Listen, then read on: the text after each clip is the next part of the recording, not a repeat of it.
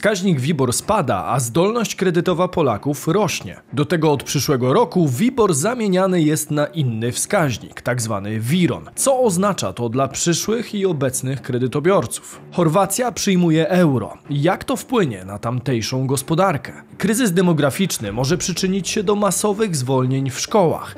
Ilu nauczycieli straci niedługo pracę? Spółka PKP Energetyka wraca do grona polskich spółek dzięki odkupieniu jej od funduszu CVC. Kiedy i dlaczego tak perspektywiczna spółka trafiła do rąk obcego kapitału? Dokąd zmierzał pieniądz w tym tygodniu? Sprawdźmy to.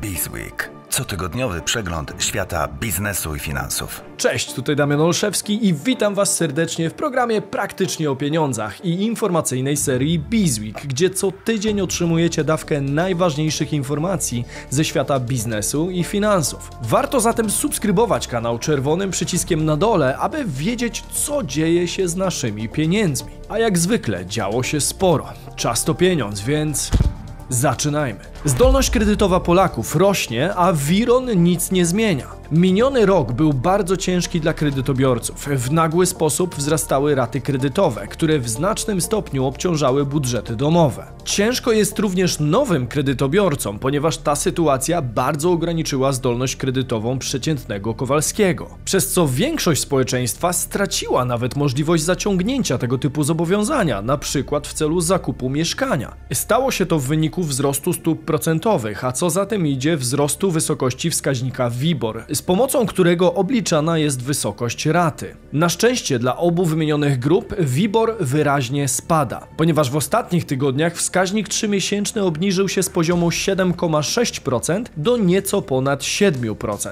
Aktualnie WIBOR 3-miesięczny jest już niższy niż pod koniec września, co niedługo będzie skutkować obniżką rat kredytowych. Spadający WIBOR ma też duże znaczenie dla wspomnianej zdolności kredytowej, która również nieco wzrosła. Jak wyliczył główny analityk Expandera Jarosław Sadowski, w niektórych przypadkach zdolność kredytowa rośnie nawet o 40 tysięcy złotych w porównaniu z początkiem listopada. Jest to zatem dość spora różnica w tak krótkim okresie, zwłaszcza, że sytuacja powinna się jeszcze poprawić w momencie, gdy zmieni się stanowisko KNF-u wobec buforu przy udzielaniu kredytów. O czym dokładnie mówię? Otóż KNF na początku roku zobowiązał banki do bardziej rygorystycznych wymogów przy obliczaniu zdolności kredytowej. Dokładniej, zgodnie z rekomendacją S, banki miały zakładać możliwość podwyżek stóp o kolejne 5 punktów procentowych. A to naprawdę mocno ograniczyło jeszcze dodatkowo zdolność kredytową Polaków. Aktualnie jednak, jak wskazuje Jacek Barszczewski, rzecznik Urzędu KNF, Urząd Komisji Nadzoru Finansowego prowadzi pracę nad modyfikacją rekomendacji S w zakresie stosowania buforu na ryzyko stopy procentowej w procesie oceny zdolności kredytowej przez banki. Jest to de facto kolejna dobra wiadomość dla przyszłych kredytobiorców, którzy mimo wszystko chcieliby mieć możliwość zakupu nieruchomości tą właśnie drogą. Wracając zatem do zdolności kredytowej, warto wskazać wyliczenia głównego analityka Expandera. Pod uwagę wzięto trzy warianty. Pierwszy z nich to rodzina z dwójką dzieci, w której dwoje rodziców zarabia średnią krajową, czyli około 5000 zł na rękę. Według wyliczeń Sadowskiego aktualna zdolność kredytowa wynosi około 399 tysięcy złotych, a więc o 17 tysięcy złotych więcej niż jeszcze na początku listopada. Drugi wariant to małżeństwo bez dzieci, w którym łączne dochody wynoszą 14 tysięcy złotych na rękę, na przykład 8 tysięcy złotych plus 6 tysięcy złotych. Zdolność kredytowa tego małżeństwa kształtuje się na poziomie ponad 814 tysięcy złotych, a jeszcze na początku listopada było to około 777 tysięcy złotych. W związku z tym mówimy o różnicy blisko 40 tysięcy złotych. Z kolei ostatni wariant to singiel, który zarabia dwukrotność średniej krajowej, czyli około 10 tysięcy złotych na rękę. W jego przypadku zdolność wzrosła z 555 do 581 tysięcy złotych. Z pozytywnych informacji dla kredytobiorców często możemy także przeczytać o rzekomym zastąpieniu WIBOR-u przez WIRON już od stycznia 2023 roku,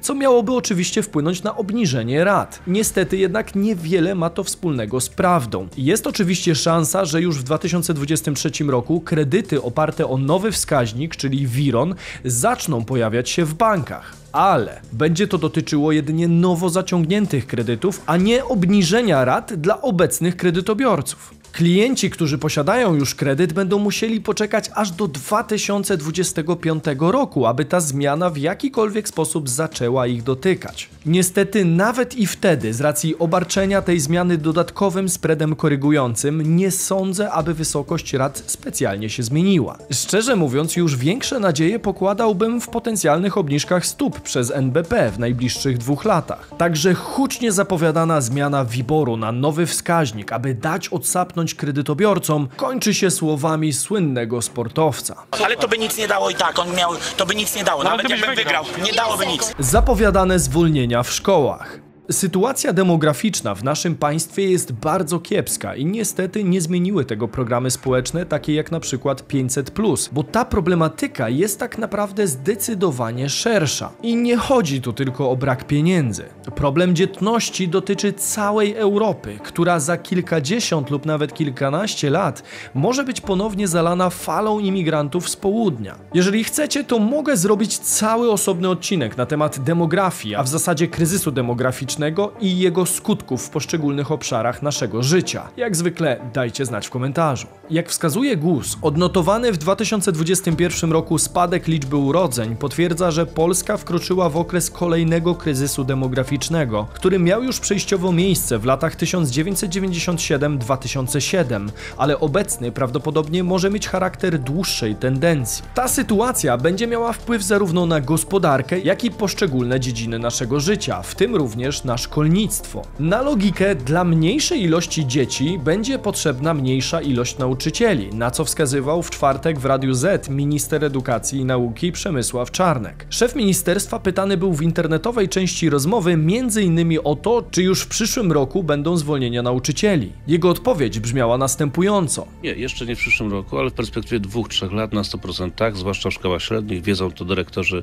liceów, choćby takich jak w Prudniku, którzy nie zatrudniają dodatkowo nauczycieli, wolą dać nadgodziny nauczycielom, dlatego że to powoduje, że później nie trzeba będzie tych nauczycieli zwalniać. Kwestia zwolnień być może nie szokuje tak bardzo jak sama ich skala. Minister mówi, że w perspektywie dwóch, trzech lat trzeba będzie zwolnić około 100 tysięcy nauczycieli z obecnych 700 tysięcy. Stanowi to ponad 14% aktualnej kadry. Oczywiście możliwe, że w tej wypowiedzi minister po prostu przesadził ze skalą, ale zdecydowanie problem ten istnieje i narasta. Minister edukacji i nauki zapowiada również powrót do wcześniejszej emerytury zawodowej dla nauczycieli, co miałoby być jednym z rozwiązań. To jest rozwiązanie, które absolutnie musi wrócić na tapet i musi być dyskutowane. My musimy wrócić do tego rozwiązania po to, żeby dać możliwość przejścia na emeryturę w perspektywie dwóch, trzech lat wszystkim tym, którzy będą już mieli uprawnienia emerytalne wcześniejsze. Czarnek dodaje, że już w styczniu zaczną się rozmowy na ten temat. Być może jeszcze w tym półroczu, pierwszym półroczu przyszłego roku stosowną uchwałę, ustawę uchwalić z, jakimś, z jakąś perspektywą wejścia w życie. Powiatowa Inspekcja Pracy ostro ruszy z kontrolą na 35 tysięcy firm. W 2023 roku kierownictwo Państwowej Inspekcji Pracy zamierza uruchomić akcje kontrolne na szerszą skalę. PIP chce dokonać 60 tysięcy kontroli wśród 35 tysięcy firm. W roku 2022 przeprowadził 52 tysiące takich kontroli w 30 tysiącach firm. W związku z tym planowany jest wzrost o ponad 16%, jeśli chodzi o liczbę skontrolowanych przedsiębiorstw. Kto przede wszystkim powinien obawiać się wizyty? Główne uderzenie ma być skierowane na budowlankę, a PIP planuje objąć skrupulatnym nadzorem 100 budów o szczególnym znaczeniu, a z kolei na 900 placach budowy zostaną przeprowadzone kontrole zapobiegające zagrożeniom wypadkowym. Priorytetem inspekcji będzie bezpieczeństwo pracy w przedsiębiorstwach. Kontrolowane będą przykład maszyny, urządzenia czy też wyroby pirotechniczne. Dodatkowo będą sprawdzane tak zwane kwestie formalne, czyli legalność zatrudnienia, płaca oraz przestrzeganie zakazu zawierania umów cywilnoprawnych w warunkach wskazujących na istnienie stosunku pracy. Jeśli chodzi o wymienione przeze mnie aspekty, to przede wszystkim powinny obawiać się firmy zatrudniające cudzoziemców, głównie z Ukrainy, jak i agencje zatrudnienia i agencje pracy tymczasowej. Na baczności powinny mieć się również firmy transportowe, a także placówki handlowe. Będą sprawdzane odpowiednio główne przepisy o delegowaniu pracowników w transporcie międzynarodowym oraz przestrzeganie zakazu handlu w niedzielę i święta. PKP Energetyka wraca do grona spółek Skarbu Państwa. W środę 28 grudnia PGE ogłosiło ogłosiła, że podpisała przedwstępną umowę przejęcia spółki PKP Energetyka od funduszu CVC. PGE zapłaci około 1,9 miliarda złotych, czyli o ponad 30% więcej niż fundusz wydał na kolejową firmę energetyczną, kupując ją w roku 2015. Jak wskazuje Puls Biznesu, zwrot z inwestycji będzie dla funduszu jednak znacznie większy, bo spółka przynosiła spore zyski i regularnie wypłacała właścicielowi dywidendę. W 2021 roku PKP Energetyka miała 3,37 miliarda złotych przychodów, czyli o 11% więcej niż rok wcześniej. Zanotowała przy tym 670 milionów złotych zysku na poziomie EBITDA, co oznaczało wzrost o 23%. Z kolei zysk na czysto w 2021 roku sięgnął przeszło 185 milionów złotych. Dodatkowo warto podkreślić, że całą przejmowaną firmę wyceniono na blisko 6 miliardów złotych, bo PKP Energetyka ma około 4 miliardy złotych długu zaciągniętego na realizację inwestycji w ostatnich latach. Trafia do nas jeszcze warunkowo, ale finalizacji transakcji spodziewamy się 3 kwietnia. Spółka nowoczesna, prowadząca program transformacji w zieloną stronę z wykwalifikowaną kadrą i stabilnym rynkiem, która bardzo dobrze uzupełnia nasze portfolio. Prowadziliśmy proces zakupu od prawie dwóch lat. Negocjacje były twarde, ale zakończyły się pomyślnie. Osiągniemy bardzo wymierne biznesowe korzyści, a jednocześnie zwiększy się bezpieczeństwo polskiej kolei i polskiej energetyki, mówi Wojciech Dąbrowski, prezes PGE. Z kolei Maciej Małecki, sekretarz stanu w Ministerstwie Aktywów Państwowych, mówi: Strategiczna dla całego układu nerwowego polskiej kolei spółka wraca pod polskie skrzydła. Nielogiczne było to, co wydarzyło się 7 lat temu, gdy naturalny monopolista, firma, która będzie miała zbyt na usługi tak długo, jak w Polsce funkcjonować będzie kolej, został sprzedany. Odkupienie PKP Energetyka zapewnia polskiemu społeczeństwu bezpieczeństwo infrastruktury na kolej. Dlaczego w takim razie spółka odkupywana jest dopiero teraz i dlaczego w ogóle została sprzedana? Fundusz CVC kupił PKP Energetyka w 2015 roku pod koniec rządów koalicji PO-PSL. Choć po wyborach w 2015 roku, w którym władzę przejęła obecna władza, próbowano wszelkich sposobów na zablokowanie tej transakcji. Jak widzimy, wówczas nie udało się tego zrobić, jednakże teraz ta spółka wraca w skład de facto spółek Skarbu Państwa. Oby pozostała tam na długie lata. Chorwacja przyjmuje euro.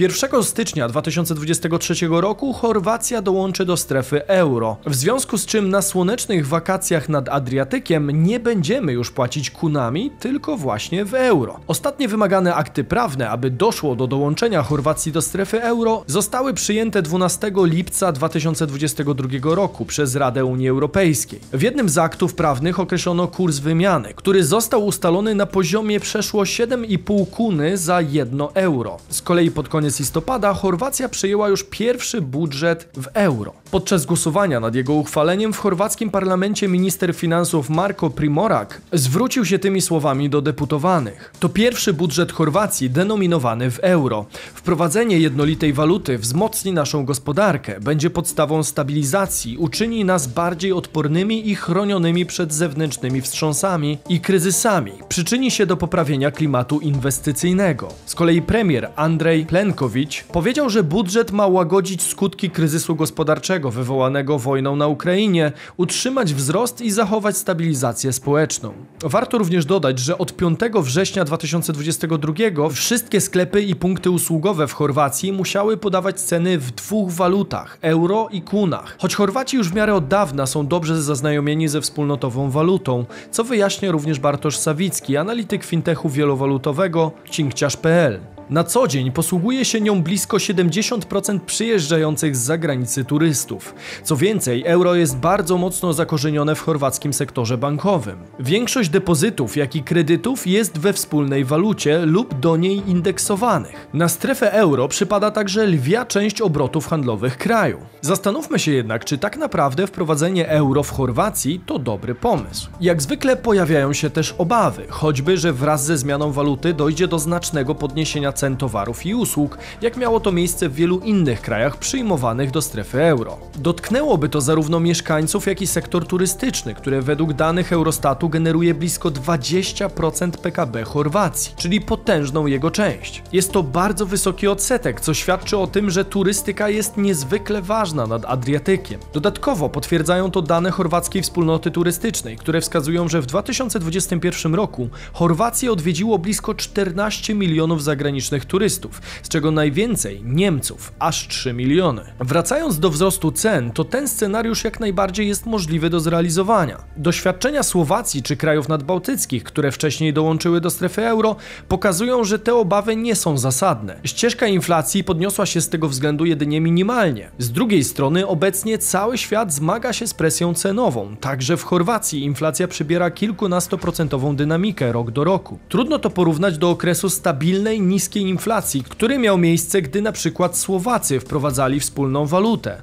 Dziś konsumenci musieli oswoić się z rosnącymi cenami, stąd pokusa wprowadzenia dodatkowych podwyżek po stronie chorwackich przedsiębiorców może być mocniejsza. Zatem zmiana kuny na euro może wprowadzić pewne negatywne perturbacje, jak na przykład wyższą inflację przez tak zwany efekt cappuccino. Już kiedyś wam o nim wspominałem. Jednak musimy pamiętać, że mówimy tutaj o kraju, w którym euro i tak odgrywało już bardzo ważną rolę przez turystykę i było w zasadzie powszechnym środkiem płatności w całym kraju. Zatem taka decyzja rządu chorwackiego była zdecydowanie prostsza niż na przykład w przypadku Polski. U nas sytuacja z wprowadzeniem euro jest zdecydowanie bardziej skomplikowana, zresztą wiecie to z tego odcinka. Warto go nadrobić, jeśli jeszcze go nie widzieliście. Zmiana kuny na euro nie spowoduje także natychmiastowego wyparcia kuny z obrotu. Jeszcze przez pierwsze dwa tygodnie stycznia będzie można płacić kunami, na przykład w sklepach, a przez cały 2023 rok banki w Chorwacji będą wymieniać kuny na euro. Jak sądzicie, czy Chorwatom ta zmiana finalnie wyjdzie na dobre, czy jeszcze tego pożałują? Dajcie znać w komentarzu. Jeśli podobał Wam się ten odcinek i chcielibyście mieć dostęp do ciągłego cotygodniowego przeglądu najważniejszych wydarzeń ze świata biznesu i finansów, to zapraszam do subskrypcji kanału na dole. Zostawcie również hashtag Bizweek w komentarzu, jeżeli uważacie naszą pracę za wartościową, a my widzimy się już za tydzień, w sobotę i niedzielę o 15. Cześć!